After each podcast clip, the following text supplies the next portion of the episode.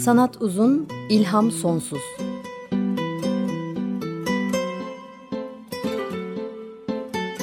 Sanat üzerine psikolojik sohbetler. Hazırlayan ve sunanlar Şenol Ayla ve Timuçin Oral.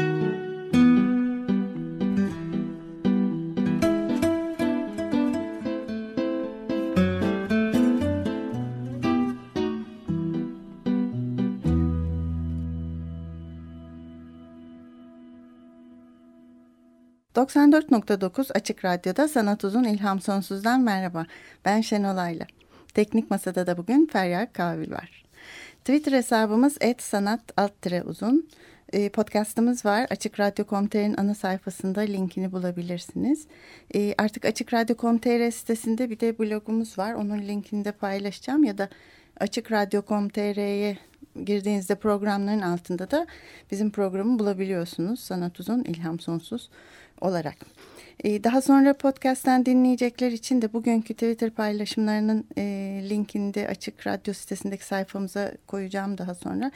Biliyorsunuz eş zamanlı olarak programla bazı görüntüleri ve linkleri paylaşıyoruz Twitter'dan. Gustav Metzger'den birkaç program önce 19 Mayıs tarihli programda bahsetmiştim. Bu yıl Mart ayında 90 yaşında ölmüştü Gustav Metzger e, otodestrüktif kendini yıkan sanatın mucidi ömrünü izleyenlerin kafalarını karıştırmak, kızdırmak, nefeslerini kesmekle geçiren ve birkaç nesil genç sanatçıyı etkileyerek yaşayan Gustav Metzger diye anmış, anmıştım kendisini ve sanatçı, aktivist, provokatör olduğunu 25 yaşından beri kendi tercihiyle vatansız olarak yaşadığını da eklemiştim. Ee, sanat dünyasının bilinci olarak da tanınıyordu Metzger etik kuralları ve politik sorumluluğu ile de sanat dünyasında hep öncü olmuştu. Yaptığı sanatı kendisi de Nazi Almanyası'nda yükselişini gördüğü gücü reddetmenin bir yoluydu olarak tanımlamıştı. Kendisinden bugün bir kez daha bahsetmek istiyorum. Ee, İstanbul'da Arter'deki Görme Biçimleri sergisindeki işleri nedeniyle. Ee, Küratörleri Sam Bardui ve Tilfelrat e, görme biçimleri sergisinin adı da tahmin edildiği gibi John Berger'ın aynı adlı kitabından e, esinlenilmiş, ilham alınmış. 33 sanatçının eserleri yer alıyor görme biçimlerinde. Gustav Metzger'in de tarihi fotoğraflar, Historical Photographs serisinden iki işi. Hmm, Arter'de bu sergi kapsamında sergileniyor. Başka işleri de sergileniyor burada. E, kara kalem çizimleri ve bir tablosu daha. E, ama ben özellikle bugün bu iki işten bahsetmek istiyorum. Tarihi fotoğraflardan. E, hatırlatırsam Metzger Polonyalı e, Yahudi anne babanın çocuğu olarak Almanya Nürnberg'de doğmuştu 1939'da. E, tam savaş başlarken de e, 13 yaşındayken e, İkinci Dünya Savaşı'ndan hemen önce erkek kardeşiyle birlikte çocuk nakli kapsamında İngiltere'ye getirilmişti. Kız kardeşleri Filistin'e kaçabilmişti ama bunun dışında tüm ailesi Holokost'ta kaybetmişti Metzger. Metzger'in tarihi fotoğraflar serisi 1990'ların ortasından başlayarak e, bugüne dek, ölümüne dek 20. yüzyılın trajik olaylarıyla izleyiciyi yüzleştirmeyi amaçlayan bir seriydi. Mesela 1943'te Nazi işgali sırasında e, Varşova gettosunda yaşanan olaylar ya da Vietnam Savaşı ya da 1995'teki Oklahoma City bombalanması gibi olayların şiddetini güzel anlatan bazı fotoğrafları kendisi farklı enstalasyonlarla sergilemişti bu seride birçok yerde birçok zamanda. Arter'deki sergideki iki işten biri de Yürüyerek Girmek, Tapınak Tepesi katliamı Kudüs 8 Kasım 1990. Ee, duvarda kapalı duran bir perdenin ardında yaklaşık iki buçuğa dört metrelik siyah beyaz bir fotoğraf var. Tapınak Tepesi katliamının 8 Kasım tarihli Kudüs'teki katliamın bir fotoğrafı. Perde ile e, arasında yarım metre gibi bir aralık var ve perde tamamen kapatıyor e, bu fotoğrafı. Onu görebilmek için arasına girmeniz, yürümeniz, boylu boyunca 4 metre boyunca yürüyerek fotoğrafı görmeye çalışmanız gerekiyor. E, diğer işi de sürünerek girmek. İlhak, Viyana, Mart 1938 adlı işi. Ee, bunun Twitter'dan iki fotoğrafını bu işinin paylaşacağım. Murat Germen'in çekmiş olduğu. burada da sergi alanının zeminine yerleştirilmiş siyah beyaz bir fotoğraf var. 3 hmm, çarpı 4 metre gibi boyutlarında 3.15'e 4.25'miş. E, ancak fotoğrafın üzeri de aynı boyutta sarı bir örtüyle tamamen örtülmüş. İlk olarak salona girdiğinizde sadece yerdeki sarı örtüyü görüyorsunuz. Fotoğrafı görebilmek için örtüyü kaldırmak ve altına dizleriniz üzerinde sürünerek girmeniz gerekiyor. E, girince de 1938'de Viyana'da Naziler tarafından sokakları ovarak temizlemeye zorlanan, fırçalayan Yahudilerin fotoğrafını görüyorsunuz. Her adımda yavaş yavaş algılayarak fark ediyorsunuz fotoğrafın bütününü. Tamamını görebilmek için de ıı, bu örtünün altında bir sağa bir sola sürünmeniz e, tıpkı o gün o fotoğraf çekilirken sokakta yere diz çökmüş, yeri fırçalayarak temizlemeye uğraşan Yahudiler gibi bir pozisyon almanız e, ve zorlanmanız gerekiyor. Örtünün altında soluğunuz kesiliyor, havasız kalıyorsunuz, çarpıntı hissediyorsunuz ve e, sanki o fotoğrafın çekildiği andaymış gibi sıkıntı, öfke, korku, umutsuzluk, utanç hepsini bir arada yaşıyorsunuz. O birkaç metrekare alanda dolaşırken. E, bunlar benim yaşadıklarımda o kısacık süre içinde sizin de gidip bu işle karşılaşmanızı öneririm. Bir sanat eserinin insanın üstünde bu tarz bir etki bırakması çok farklı bir deneyim. E, örtünün altından çıktığınızda kendinize gelmeniz biraz e, zaman alıyor. Gustav Metzger'i bir kere daha anıyorum yaptığı işler için. E, görmeye değer olduğunu düşündüğüm için tekrar andım. Bu sergi de bir de bizim sevdiğimiz e, birisinin daha işi var. Salvador Dali'nin programımızda sık sık adı geçen simgesel olarak işleyen sürrealist obje Gala'nın Pabucu adlı iş. Bu adı kadar karışık uzun parçalardan oluşan bir iş. E, bunu da Twitter'dan fotoğrafını paylaşacağım. Kendi çektiğim fotoğrafı. Bilinç dışı aleminden toplanmış gibi duran bir sürü nesne var. Birbiriyle ilgisiz gibi duruyor nesneler ama sürrealistleri biraz tanıyınca bunların bilinç e, dışından nasıl toplanıp geldiğini aslında ilgisiz değil mutlaka e, bilemeyeceğimiz bir düzeyde ilgili olduğunu birbiriyle e, anlıyor insan. Bunlar Dali tarafından tasarlanmış bu yerleştirme ve um, Max Clarak Serut tarafından da e, bir araya getirilmiş. Şunlar var mesela pembe bir yüksek topuklu ayakkabı, beyaz bir mermer, fotoğraflar, e, içinde mum olan bir bardak, bir vinç kolu, kibrit kutusu, saç, ahşap bir spatula var. Bu bir asamblaj. Bizim e, Twitter hesabımızdaki profil resmimizin de Dali'ye ait olduğunu hatırlatayım bu noktada. Arter'deki görme biçimleri sergisi 13 Ağustos'a kadar görülebiliyor. Bu bahsettiğim işler dışında da e, gerçekten çok etkileyici görmeye değer bir sergi. E, Gustav Metzger Nazi Almanya'sında yükselen gücü reddediyordu sanatıyla öyle demişti kendisi. Ve İkinci Dünya Savaşı'ndaki kıyımlardan başlayarak ömrü boyunca insanların insanlar üzerindeki ve insanların doğa üzerindeki yıkıcı gücünü de eleştirmişti sanatıyla. E, Mezger'den kısa bir süre önce bir başka sanatçı sanatı politik bir silah olarak kullanmanın da öncülüğünü yapmıştı aslında. John Hartfield. E, Mezger'i yeniden anmışken bugün de politik silah olarak sanattan ve bir silah olarak sanatın öncüsü olan John Hartfield'den ve tabii onunla bağlantılı olarak e, Dada akımından da bahsetmek istiyorum. Müzikten sonra.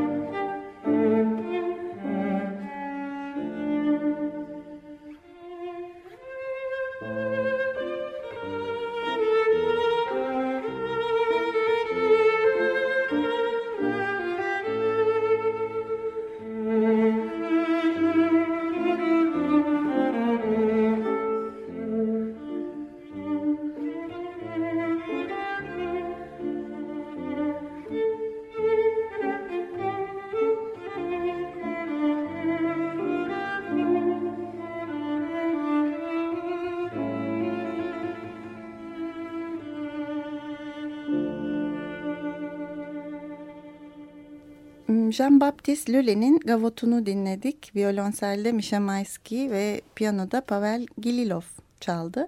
94.9 Açık Radyo'da Sanat Uzun İlham Sonsuz'u dinliyorsunuz. E, Gustav Mesker'le başladık ve şimdi John Hartfield'dan bahsedeceğim. Sanatı politik bir silah olarak kullanmıştı dedim. John Hartfield her iki dünya savaşını da gördü. İlk başladığı, ilki başladığında 23 yaşındaydı. İkincisi bittiğinde 54 yaşındaydı. Biz şimdi sanıyorum böyle başladı bitti tarihleriyle yaşamıyoruz savaşları. Sürekli savaş halindeyiz ve nerede ne zaman savaş var kestiremiyoruz ama tabii hangisi daha iyi tartışılır. Fakat iki adet büyük dünya savaşını görmek de az şey değil bir ömür için. Ee, üstelik Hartfield'ın de her iki dünya savaşında da aktif olarak sanat yaptığını biliyoruz. Aktif olarak savaşın içindeyken savaşa karşı sanat yaptı ve sanatı silah olarak da kullandı. John Hartfield hayatına Helmut Herzfeld olarak başladı 1891'de. Ee, Berlin'de doğdu ve babası sosyalist bir yazardı. Annesi de bir tekstil işçisiydi ve politik e, açıdan ikisi de aktif insanlardı. Aslında çocukluğunda bu politik e, aktif anne babanın e, sorumluluğunu ve yükünü de hissetti aslında üstünde ve belki bilinçlenmesine neden oldu ama e, şunları da yaşadı. Babası Franz e, daha sonra yazdığı yerden uzaklaştırılmak ve sürülmek zorunda kaldı ve İsviçre'ye e, gitmek zorunda kaldı aile hep beraber kaçmak zorunda bırakıldı. E, 1899'da yani Helmut yani şimdi John Hartfield olarak bildiğimiz o zamanki adıyla Helmut Herzfeld 8 yaşındayken henüz erkek kardeşi ve iki kız kardeşiyle birlikte aileyle birlikte kaçarken ormanda aileleri, ailesi tarafından çocuklar terk edilmiş. Bu nasıl bir durumdur anlayamadım ama birçok kaynakta bu yazıyor. Onların bir yerde bırakılarak e, ortada bırakıldıkları anne babanın yok olduğu ortadan sonra bir amcaları onları hmm, büyütmüş ve bir süre ilgilenmiş. Ama bu hayatındaki travmaların sadece ilki John Hartfield'ın sonuncusu değil. Fakat küçük yaşa, yaşta yaşadığı büyük bir travma tabii ki. Sonra 17 yaşındayken de güzel sanatlar e, okumaya başlamış Münih'te. Dünya Savaşı, e, Birinci Dünya Savaşı'ndan hemen önce e, erkek kardeşiyle tekrar e, Berlin'e dönmüşler. E, ve avantgard yazarlarla, artistlerle, sanatçılarla tanışmışlar burada ve bu da hayatının gelecek dönemini etkilemiş. E, savaşa alınmak istenmiş asker olarak gönderilmek istendiğinde de e, akıl hastası taklidi yaparak savaşa alınmadığını söylüyor ama başka hizmetler yaptırılmış e, savaşla bağlantılı olarak bundan daha sonra bahsedeceğim. Ondan sonra e, 1915'te tekrar erkek kardeşiyle Berlin'de bir araya gelmiş ve 25 yaşındayken Helmut Herzfeld adını değiştirmiş. İngiliz adı olduğu için John Hartfield adını almış.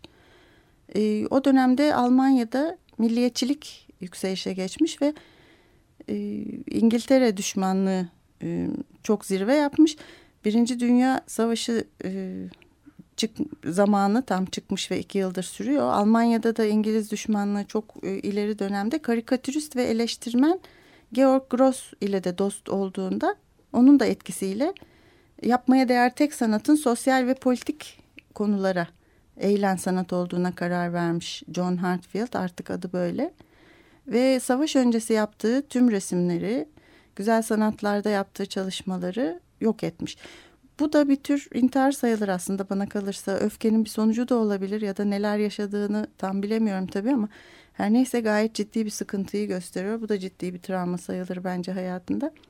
1918'de de yani Birinci Dünya Savaşı sona erdiğinde de Georg Gross'la ki ada, o da adını İngiliz adına çevirmiş bu İngiliz düşmanlığına bir te tepki olarak ve George Gross e, olarak kullanmaya başlamış. İkisi birlikte Berlin'de Berlin Dada Kulübü'nü kurmuşlar.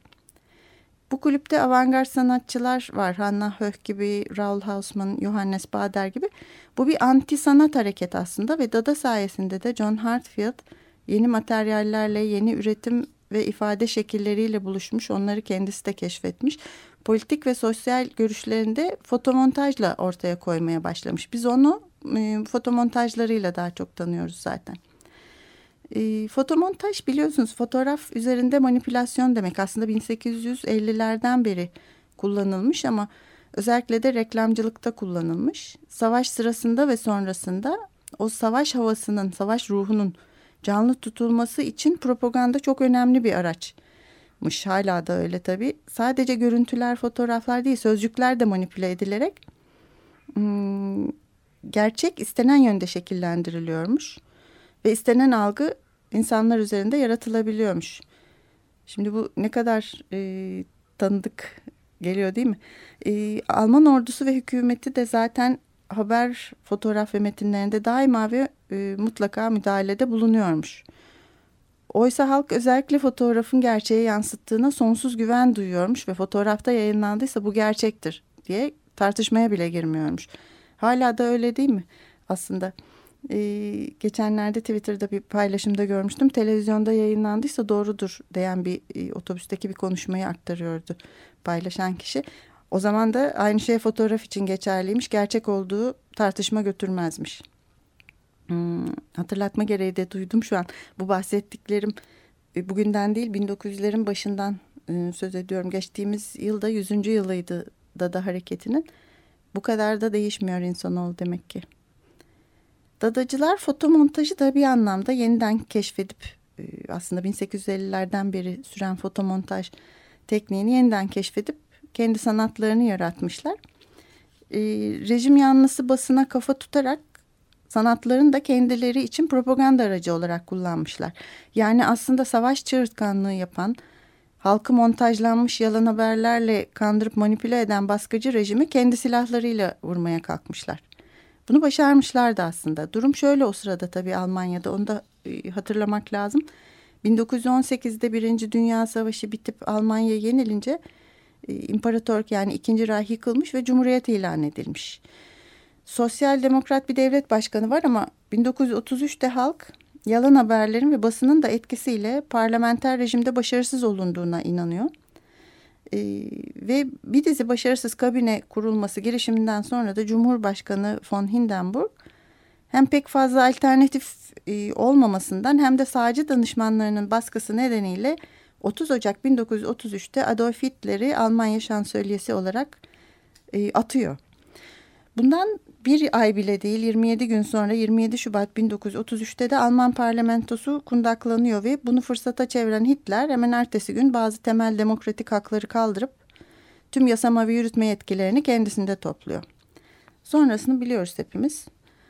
Ee, işte bu arada yani 1918'den Birinci Dünya Savaşı sonrasından Hitler rejimine 1933'e kadar geçen 15 yıllık dönemde hükümete yakın olan Weimar basını e, aslında hükümete yakın diyorum ama aslında tek basındı o zaman da.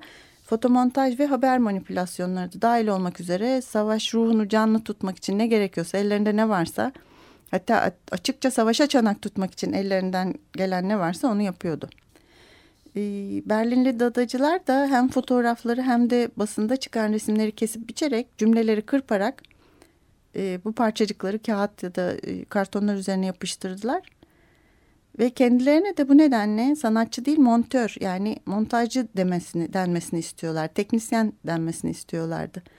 Aslında böyle de sanatı sanatçıların tek elinden çıkarıp halka yaklaştırdıklarını düşünüyorlardı. John Hartfield de kendisine sanatçı değil montajcı denmesini istiyordu. Bunun bir anlamı da kendisini züppe sanatçılara değil de işçilere yakın hissetmesiydi. E, dadacılar fotomontajla birçoğu politik olan, politik içerikli olan ee, çok sayıda dergi illüstrasyonu, afişler, posterler, kitap kapakları yaptılar. Hatta bazı fotomontaj eserlerini bozup tekrar fotomontajda kullandılar. Böylece de aslında kalıcı sanat eseri mitini de umursamadıklarını gösterdiler. Sonuçta istedikleri şey çıldırmış bir dünyayı kendi imgesiyle yüz yüze getirmeye çalışmaktı. Ee, şimdi bir müzik arası verelim. Yo-Yo ve Itzhak Perlman'dan dinleyeceğiz. Dvorak'ın Songs My Mother Taught Me.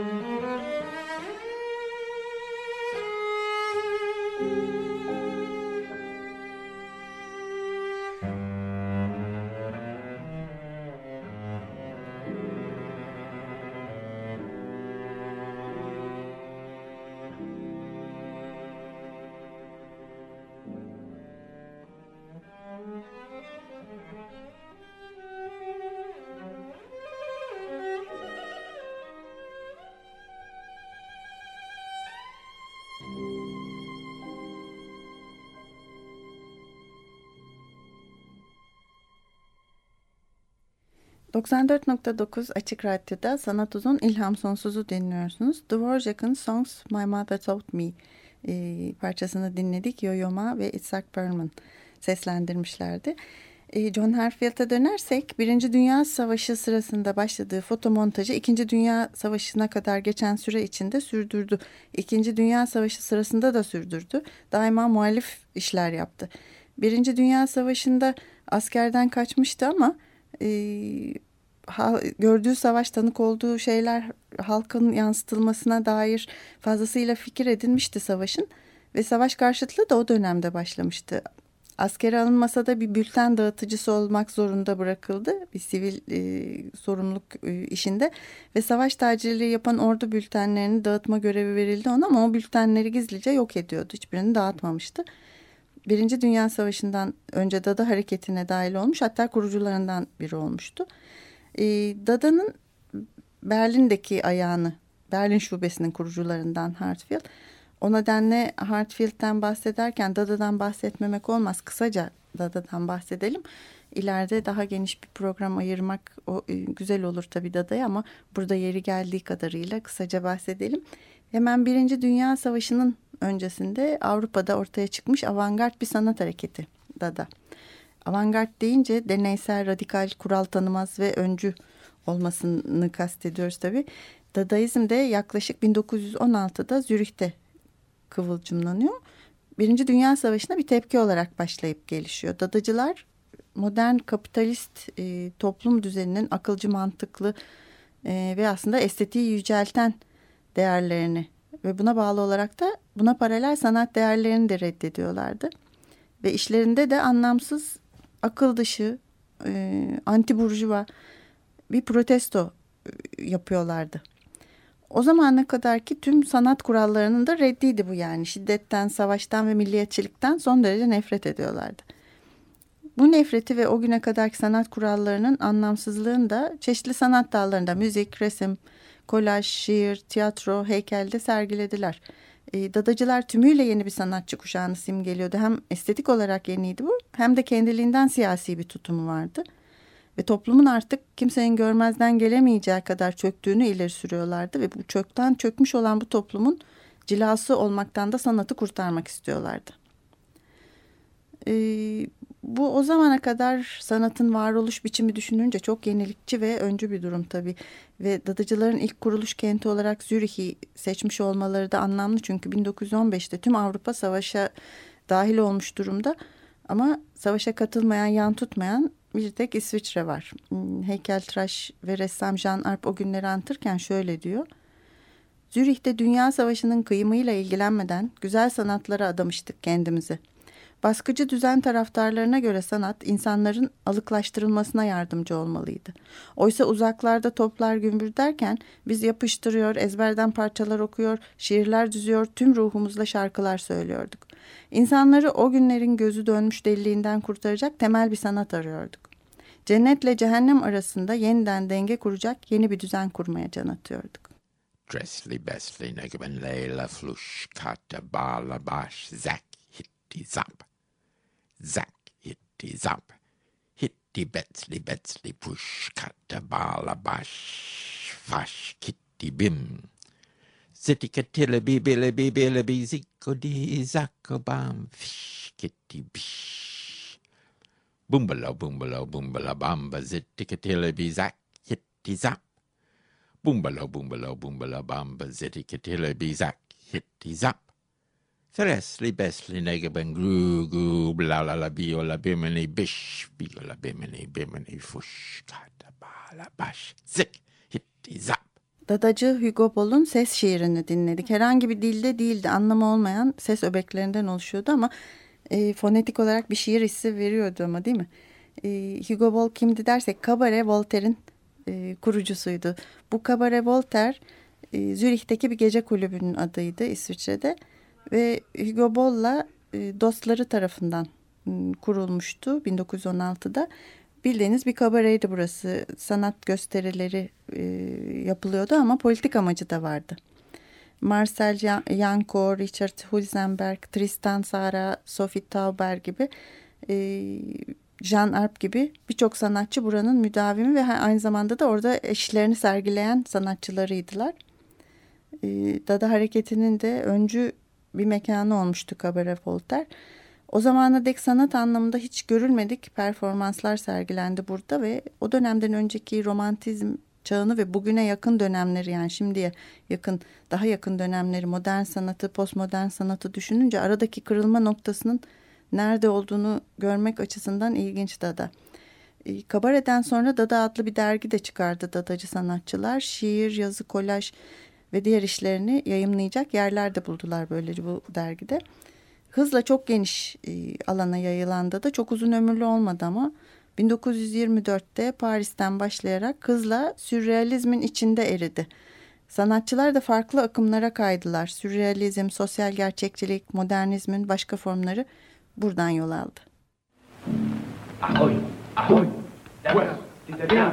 Prenez ça, chaîne, quand l'air, grenouille, rhum, commencez à brûler, gire, mieux, l'œil, cheval, blanc, dame, rhum, serpent, carré, on, dépendance, mes amis, dorénavant, dire, nature, très intéressé, aiguille, des morsures équatoriales. Evet Kabare Voltaire'de sahnelenen bir gösteriden bir bölümdü dinlediğimiz. Üç sanatçı sahnedeydiler bu bölümde. Dada'nın en önemli isimlerinden Tristan Zara, Marcel Yanko e, ve adının kaydı bu belgeselin dediğine göre bulunamayan e, bir başka e, kişiyle birlikte bu üç dadacı Hugo Boll'un piyanosu eşliğinde bir şiir okuyorlardı. Bu bölümde Hugo Boll du, e, duyulmuyordu ama aslında sahnedeydi. Bu belgeselin bir bölümünün linkini de Twitter'dan paylaşacağım ortamı hissetmek için çok güzel bir video ama e, zaten da da dediğim gibi başlı başına konuşmak için onu burada bitirmeyeceğiz. İlginç bir hareket. E, daha sonra başka bir programda başlı başına konuşalım onu da. E, Hartfield'e dönersek montajcı dada anlamına gelen montör dadayı kullanıyordu demiştim. Aslında işçi tulumu demek olan montör antüge sözcüğünden türetmişti. Çünkü dediğim gibi kendisini bohem ve züppe sanatçılarla değil işçilerle özdeşleştiriyordu. E, foto, data fotomontajlarının da eninde sonunda geleneksel e, sanat eseri statüsü taşımasını istemiyordu. E, onun amacı öncelikle politik amaçla fotomontajı propaganda amacı için kullanmaktı. Kitap kapakları, illüstrasyonlar, politik karikatürler yaptı. E, ve fotoğraflar, bölünmüş fotoğraflar ve malzemeler yerine yan, yan yana konduğunda enformasyon aktaran kurgular kullanmayı istediğini söylemişti. E, o, 1929'da e, tirajıyla ve popülerliğiyle önemli bir dergi olan AIZ, AIZ diye bilinen resimli işçi gazetesi Arbeiter Illustrated Zeitung için çalışmaya başladı ve onun kapaklarını yaptı. Bunlardan bazılarını da paylaşacağım Twitter'dan e, savaşın da aslında savaştan hemen önce Nazi tehdidine ilk uyananlardan, onu ilk uyarmaya çalışanlardan birisi oldu John Hartfield. 1933'te Prag'da sürgüne gidene kadar da Hitler'i ve Nazileri hedef alan etkili fotomontajlarını üretmeyi sürdürdü. Ee, internette de E-Scope dergisinde güzel bir dada dosyası var. Onun da linkini paylaşacağım sizlerle. Merak edenler okuyabilir. Çok güzel bir kaynak o da. Ama şimdi John Hartfield'ın işlerine bakmadan önce bir müzik daha dinleyelim. Dvorak'ın Humoreskini Yo-Yo Ma violonselde ve Isaac Perman kemanda çalacak.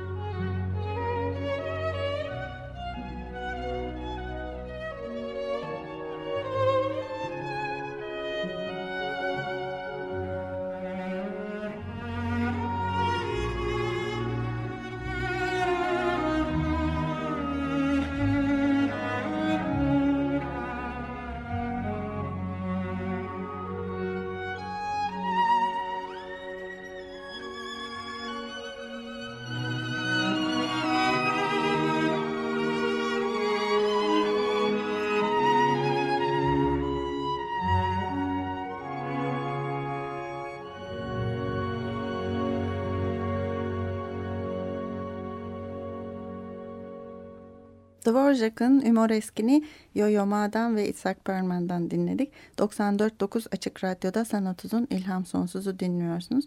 John Hartfield'den söz ediyorum bugün. E, İkinci Dünya Savaşı'nın biraz öncesindeyiz hemen. Şimdi biraz işlerine bakalım. Az önce bahsettiğim Ait Set e, dergisinin kapağında bir kapağında. Bunları da Twitter'dan paylaşamam. Şu an erişemeyenler için anlatayım. E, başlık şöyle derginin kapağında Hitler'in... Hitler'in selamının anlamı iki nokta üst üste. Milyonlar arkamda. Ee, önde daha küçük boyutlu bir Hitler arkasında çok büyük ve zengin olduğu anlaşılan bir adam var. Hitler selamını bilindik o selamını yapmak üzere elini havaya kaldırmış ve arkaya doğru da uzatmış.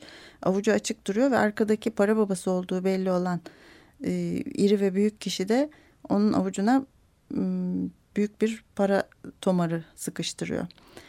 E, burada milyonlar arkamda cümlesini e, de Hitler'e karşı kullanıyor. Bu aslında milyonlarca insan değil milyon para arkamda e, anlamına da geliyordu.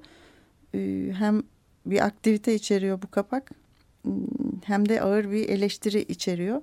Bir başka eseri de belki hatırlayacaksınız çok bilinen işlerinden biri. Nazilerin svastika işaretini dört tane balta kanlar damlayan dört baltayla e, çizmiş. Kan ve dama, e, kan ve demir adını taşıyor. Blut und Eisen. E, yeni Reich'ın eski mottosu kan ve demir şeklinde. Bu da ait setin resimli işçi dergisinin kapağı. E, Prag'da 1934'te yayınlanan bir sayısının. E, bu Nazi Almanyası'nın yakın geleceğini çok iyi öngören ve ona karşı uyaran cesaretli bir işti. Henüz düşünürsek daha savaşa beş yıl vardı ama bu e, şimdi buradan bu tarihten bakınca gayet iyi gördüğünü geleceği gösteriyor. E, bir başka işinde de Üstün İnsan Adolf adlı bir iş. Üstün İnsan Adolf altın yutar, hurda kusar. E, Schluckt Gold und Redet Blech. Sanki Hitler'in bir resmi bu da. Fotomontajı bir X ışını radyografisi çekilmiş gibi ve yemek borusunun karnına kadar inen yemek borusunun yerinde organ değil üst üste dizilmiş altın liralar duruyor. Ee, bu da ağır eleştiri içeren bir işiydi gene. Hmm, bir başkası da Burjuva gazetelerini okuyan kör ve sağır olur adlı işi. Ee, sıkıştırılmış bir adam sanki bir tasma bağlanmış gibi göğüs tasması var gibi ve kafası da hmm, gazete sayfalarıyla sarılmış. Aslında burada bir kelime oyunu da var Almanca'da. Gazete derken aynı zamanda e, gazete sayfasını lahana yapraklarına da benzetmiş. Zaten adamın kafası da lahana ya benzer bir form almış. Bunları da gördüğünüzde ya da siz de John Hartfield diye internette aradığınızda bunların birçoğunu göreceksiniz. Gerçekten e, hemen savaş öncesi için ilginç görüntüler. E, 1933'e kadar Berlin'de yaşıyor ama nasyonel sosyalistler gücü gittikçe arttırdığında e, sonunda kaçması gerekiyor. Şöyle kaçması gerekiyor. Tahmin edileceği gibi ona rahat bırakmıyorlar. E, bir gece şöyle bir şey yaşıyor. David King'in John Hartfield The Devastating Power of Laughter. John Hartfield Gülmecenin Yıkıcı Gücü adlı kitabında da o geceyi anlatan ilginç bir pasaj var. Başka bir travma John Hartfield'ın hayatından. Onu da okumak istiyorum. 1933 ee, yılının Nisan ayındaki bir geceyi anlatıyor. Berlin 14 Nisan 1933. Gece onun için geldiler. SS subayları John Hartfield'ın dairesinin bulunduğu apartmana girdiler ve doğrudan onun yüksek giriş katındaki stüdyosuna yöneldiler. O sırada John işlerini toplayıp paketliyordu. Çünkü biliyordu ki burada daha fazla yaşayamayacaktı. Hayatta kalmasının tek yolu sürgüne gitmekti. Çünkü SS'in arananlar listesindeydi. Ayak seslerini duyduğunda doğrudan balkondan apartmanın karanlık avlusuna atladı. Atlarken balkondan kötü düştü ve ayak bileğini burktu. Naziler de balkondan avluya fenerlerini tuttular. Devasa ışık yüzmesi geniş avluyu tararken Uzak bir köşede duran metal çöp konteynerine dikkat etmediler. Çünkü üzerinde petrol ürünü atıkları işareti vardı ve içinde yağ, gaz yağı, sabun, benzin gibi maddelerin atıkları biriktiriliyordu. Çöp konteynerinin ağır metal kapağının altında ise bedenini bu dar alana güç bela sıkıştırmış ve apartman atıklarına boğazına kadar batmış bir halde Hitler'in en büyük düşmanlarından biri saklanıyordu. John Hartfield sonraki yedi saat boyunca burada gizlendi. Barbarların stüdyosunu darmadağın, darmadağın edip eserlerini tahrip edişinin sesini dinleyerek bir kabus içinde plan yapmaya çalıştı. Sesler kesildiğinde çöp konteynerinin kapağını yavaşça açtı, içinden çıktı. Praga doğru sinir bozucu bir kaçışa başladı. Artık Alman toprakları onun kellesine ödül konmuş olan bir düşman toprağıydı.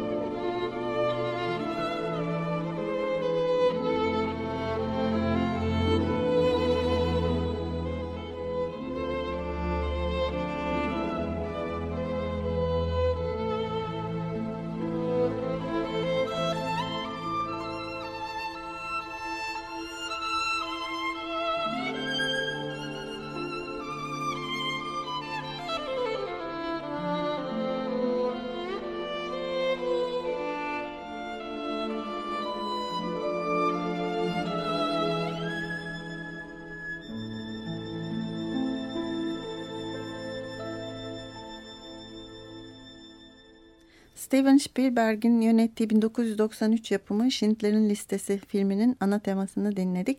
John Williams'ın bestesiydi ve kemanı Isaac Perlman çalmıştı. 94.9 Açık Radyo'da Sanat Uzun İlham Sonsuz'u dinliyorsunuz. Müzik arasından önce Nazilerden kaçan John Hartfield'ın Çekoslovakya'ya doğru yola çıktığını e, söyledim. Yürüyerek ve dağları aşarak zor bir yolculuktan sonra Çekoslovakya'ya gelir. Bir tane daha fotoğraf paylaşacağım internetten, Twitter'dan. Ee, Çekoslovakya'ya kaçarken dağ giy giysisiyle bir fotoğrafı var John Hartfield'ın. Hmm, o da çok güzel.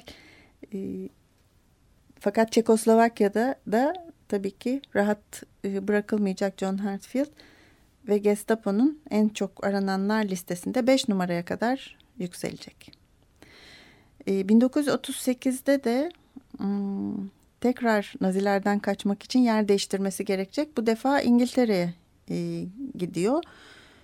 Hmm, burada bir süre orada e, yaşıyor. İkinci Dünya Savaşı'nı orada geçiriyor. Ama daha sonra İngiltere'den e, kardeşinin ısrarı üzerine Doğu Berlin'e onun yanına taşınıyor. Onun yakınındaki bir daireye taşınıyor. Ama bu kez de Stasi, Doğu Alman gizli polisi onu şüpheliler listesine alıyor. E, Doğu Alman hükümeti orada kalışının nedenini anlamaya çalıştı ve e, 6 yılı bulduğunda kalışı da onun gerçekten e, şüpheli olduğunu düşünerek onu listelerinde üst sıralara kadar yükseltti. E, ve orada da e, işlerini yapmayı sürdürdüyse de Doğu Alman e, Güzel Sanatlar Akademisi'ne girmek istediği halde e, oraya kabul edilmedi. E, ayrıca bir vatandaş olarak sağlık haklarından da yararlanamadı.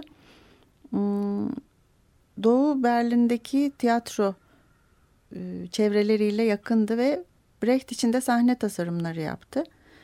E, her türlü baskı e, rejimine karşı olan John Hartfield tabii ki tahmin edeceğiniz gibi e, her dönemde susturulmak istenen kişi oldu. Daima karşı çıktı ve daima da aykırı durdu. E, 1968'de Doğu Almanya'da ölene dek de muhalif olmayı sürdürdü. E, demin bahsettiğim e, online güzel kaynak olan escope.com'daki bir güzel e, makaleden de Meral Bostancı şöyle diyor. Ortaya koyduğu muhalefet ruhu ve sanatsal duruşuyla fotomontaj, sanat tarihinde Hitler ve Nazizmin yükselişine karşı dünyayı ayaklandırmayı başarmış öncü eğilimlerin içinde kübizm ve dışa vurumculuk gibi özgün sanat akımlarına eşdeğer bir yer tutmuştur. Özellikle çok yönlü Nazi propagandasına karşı mücadelede John Hartfield, Nazi rejiminin gerçek yüzünü bu tür bir sanat aracılığıyla görünür kılmıştır. E, bizim de programımızda iki dönemdir sanat neye yarar sorusunu e, sık sık gündeme getiriyoruz. Onun güzel cevaplarından biri olduğunu düşünüyorum ben bunun da. E, bu arada Brecht demişken bir sözünü de söylemek istiyorum. Ne mutsuzdur ki o ülke kahramanlara ihtiyaç duyulan diyor. Sanıyorum kahramanlara ihtiyacı olan bir ülkeyiz biz de. Hmm, aslında ben de korku sineması ve edebiyatından konuşmayı planlıyordum bugün ama Mesger'le karşılaşmışken hem de o kadar yoğun bir karşılaşmayı yaşamışken bahsetmeden geçmek istemedim. Hem korku sineması da ne ki kim korkar sinemadan? Gerçek hayat bu kadar korkunçken bu hayatın korkunç gerçeklerinden ıı, yapay simüle korkulara geçer. Sonraki haftalarda da onu konuşuruz. Bugünkü programa sanatı gücü reddetmenin bir yolu olarak gören Mesger'i anarak başladım. Ee, şu anda İstanbul'daki görme biçimleri sergisindeki işleri nedeniyle sonra yine güce, baskı ve savaşa karşı sanatı bir silah olarak kullanan e, ve gülmecenin yıkıcı gücüne inanan John Hartfield'den bahsettim.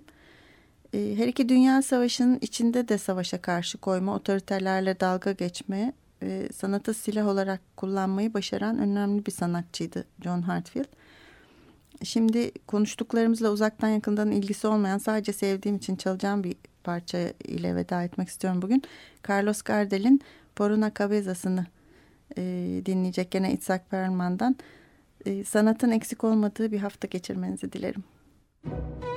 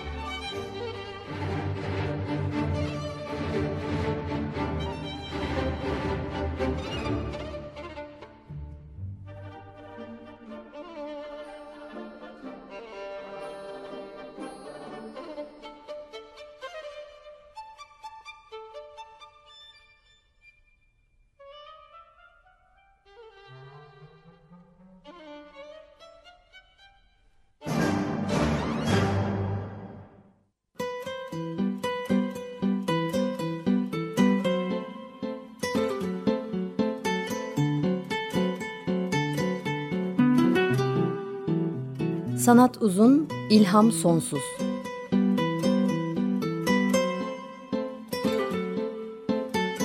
Sanat üzerine psikolojik sohbetler. Hazırlayan ve sunanlar Şenol Ayla ve Timuçin Oral.